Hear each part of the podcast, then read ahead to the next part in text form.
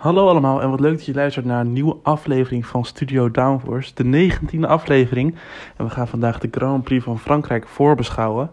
Het is een iets andere aflevering dan normaal en dat komt omdat uh, ik lekker op vakantie ben. Dus uh, we hebben alle drie onze eigen stukjes. En uh, het is eigenlijk nog steeds dezelfde soort aflevering zoals je van ons gewend bent. Zonder helaas de Greenpack Talks en zonder het bespreken van het laatste nieuws. Maar we hebben wel gewoon de roddelrubriek van Lies en de trackreview van Elias in de voorbeschouwing voor de Grand Prix van Frankrijk op Paul Ricard.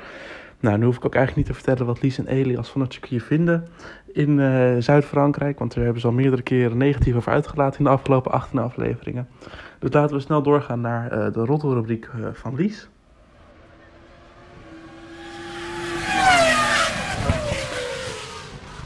Yes, thanks Bram. Nou, ik weet wat jullie allemaal denken.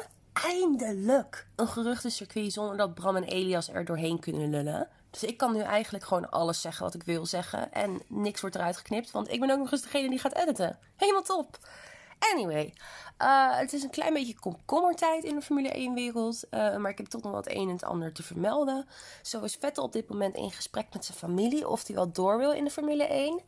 Um, er waren al langer wel een beetje twijfels over. En het was wel duidelijk dat het meer vanuit Vettels kant komt, de twijfel, dan vanuit Aston Martin. Uh, want Aston Martin die wil gewoon dat hij zo snel mogelijk een handtekening zet onder het contract. En laten we even eerlijk zijn, dat snap ik ook wel. Want een toekomst van Aston Martin met alleen Lance Stroll is natuurlijk te zielig voor woorden. Dan kan je net zo goed je spullen pakken. Of een paar miljoenen, weet ik veel, tegen de oceanen gooien of zo. Voor de lol. Je weet wel. Uh, in ieder geval, uh, Aston Martin wil heel graag een verlenging erin hebben. Uh, Vettel twijfelt op dit moment nog. hij heeft natuurlijk inmiddels wel een beetje de leeftijd om te stoppen. Maar ja, weet je, als ik dan toch mijn ongezouten mening mag geven, hij kan nog prima rijden. Dus laat, laat die vent maar daarna veel in zitten. Um, over oude lullen gesproken. Alonso is ook recentelijk geïnterviewd. Onze Fernando Alonso. Um, over de jonge coureurs die geen doorstroom weten te vinden in de Formule 1. Uh, best wel ironisch, aangezien hij dus een plekje op dit moment bezet houdt. waar ook een jonge coureur had kunnen zitten. Maar hey, wie ben ik? best wel grappig. het komt erop neer is als het aan Alonso ligt, dan is het iedereen schuld, behalve hemzelf. En gelijk heeft hij ook, weet je. Ik bedoel, uh, hij rijdt, uh, rijdt ook kon naar Florida. Dus uh, wat, wat mij betreft mag die vet ook blijven. Um, nou ja, ik wilde toch nog heel even mijn ongezouten mening over Paul Ricard geven. Ook al weten jullie dat allemaal al. ik vind het helemaal kut. Helemaal kut. nooit iets leuks. Ja, vorig jaar was volgens mij een leuke race. Maar voor de rest, weet je, het is gewoon te belachelijk voor woorden dat dit circuit nog op de lijst staat. En uh, we moeten bidden dat Spa-Francorchamps ooit nog terugkomt. Hashtag Bring Back Spa 2023. Ik ga een crowdfunding beginnen, jongens. Ik zweer het je. Uh, ja, uh, voorspelling, voorspelling, voorspelling. Um, heb ik niet lang over na hoeven denken. Want het wordt bloedje heet in Frankrijk dit weekend. En weet je wat er gebeurt als het bloedje heet is? Dan zegt een Ferrari motor pof.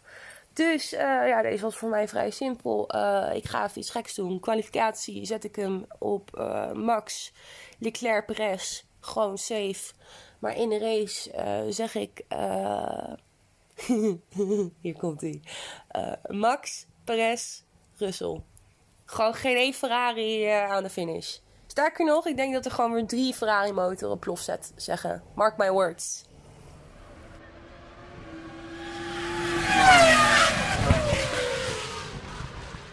Dan mijn voorspellingen voor de Grand Prix van Frankrijk. Ja, ik denk, uh, ik hoop dat het een beetje Ferrari-feest gaat worden. Ik ben dit weekend namelijk in Italië, dus uh, dat zou ik wel leuk vinden. Ik denk dat de kwalificatie, dat gaat sowieso een Ferrari-feestje worden. Ik denk dat Leclerc pol haalt voor uh, Sainz en Verstappen. Dus dan Leclerc 1, Sainz 2, Verstappen 3. En voor de race denk ik toch wel dat het op strategie aan gaat komen. En op die bandenslijtage, we worden waarschijnlijk wel weer warm daar in Zuid-Frankrijk. En dan denk ik toch dat de Red Bull het wat beter gaat doen. Dus dan denk ik dat Verstappen eerst wordt uh, ja, met de inhaalactie op de baan. Leclerc de tweede en dan Perez de derde. Dat denk ik wel. Ik denk ook sowieso dat tracklimits een grote rol gaan spelen. Het zal me niks verbazen als Verstappen of Leclerc nog een tijdstraf gaat krijgen. Want uh, die gaan ook niet meer weten welke lijnen ze moeten volgen daar in Paul Ricard met die honderdduizend verschillende layouts.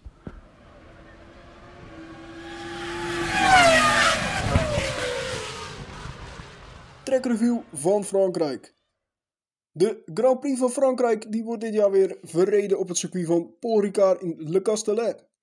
Het circuit van Paul Ricard heeft 15 bochten, 2 DRS-zones en een lengte van 5,8 kilometer. De baan wordt wel eens belachelijk gemaakt en het Dolhof genoemd vanwege de vele uitloopstroken en de gekleurde strepen in de kleuren van de Franse vlag. Er zijn dan ook maar liefst 167 verschillende layouts mogelijk voor het circuit van Paul Ricard. Sinds 2018 rijden we hier weer met de Formule 1 na een periode van 10 jaar dat de Grand Prix van Frankrijk niet meer verreden werd. De Grand Prix van Frankrijk die werd in het verleden onder andere gereden op de Magny-Cours, Rouen, Reims en Dijon en ook op het circuit Bugatti. Dat is overigens een kleine circuit in het circuit van Le Mans. Een andere legendarische baan natuurlijk die wereldberoemd is geworden vanwege de, de 24 uur van Le Mans. Vorig jaar won Max Verstappen na een spannende race. Die werd beslist door de strategie van Red Bull, die Verstappen en Perez een extra stop lieten maken voor nieuwe banden aan het einde van de race, waardoor ze uiteindelijk Bottas en Hamilton nog konden inhalen. Verstappen wist die race daardoor te winnen.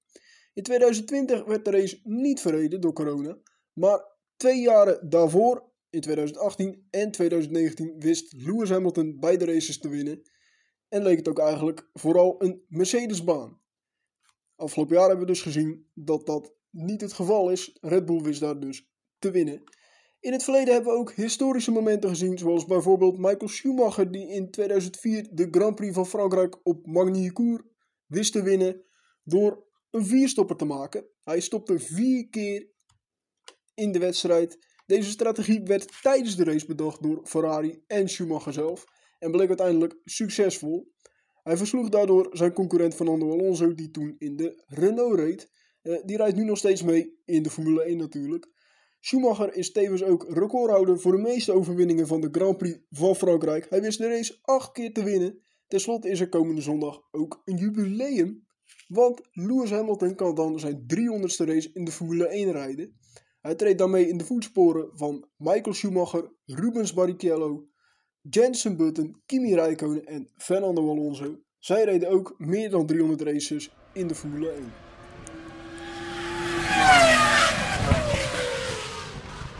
Mijn voorspelling voor de kwalificatie is uh, Leclerc op 1, Verstappen op 2 en dan Lewis Hamilton op plek 3. Dan voor de race ga ik voor Leclerc, die hem wint op 1 dus. Uh, Carlos Sainz op 2 en dan Verstappen die het podium complementeert op de derde positie.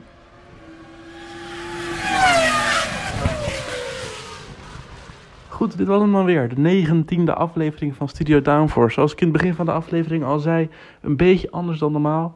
Maar we hebben alsnog de belangrijkste dingen kunnen behandelen. Volgende week zijn we gewoon terug, waarschijnlijk in dezelfde vorm, maar dan in ieder geval wel weer met een podcastaflevering. De twintigste aflevering dan, waar we gaan nabeschouwen, in hoeverre dat kan natuurlijk, op de Grand Prix van Frankrijk. En we gaan vooruitblikken op de laatste race voor de zomerstop. Dat is de Grand Prix van Hongarije. Waarschijnlijk weer Nederlands feestje.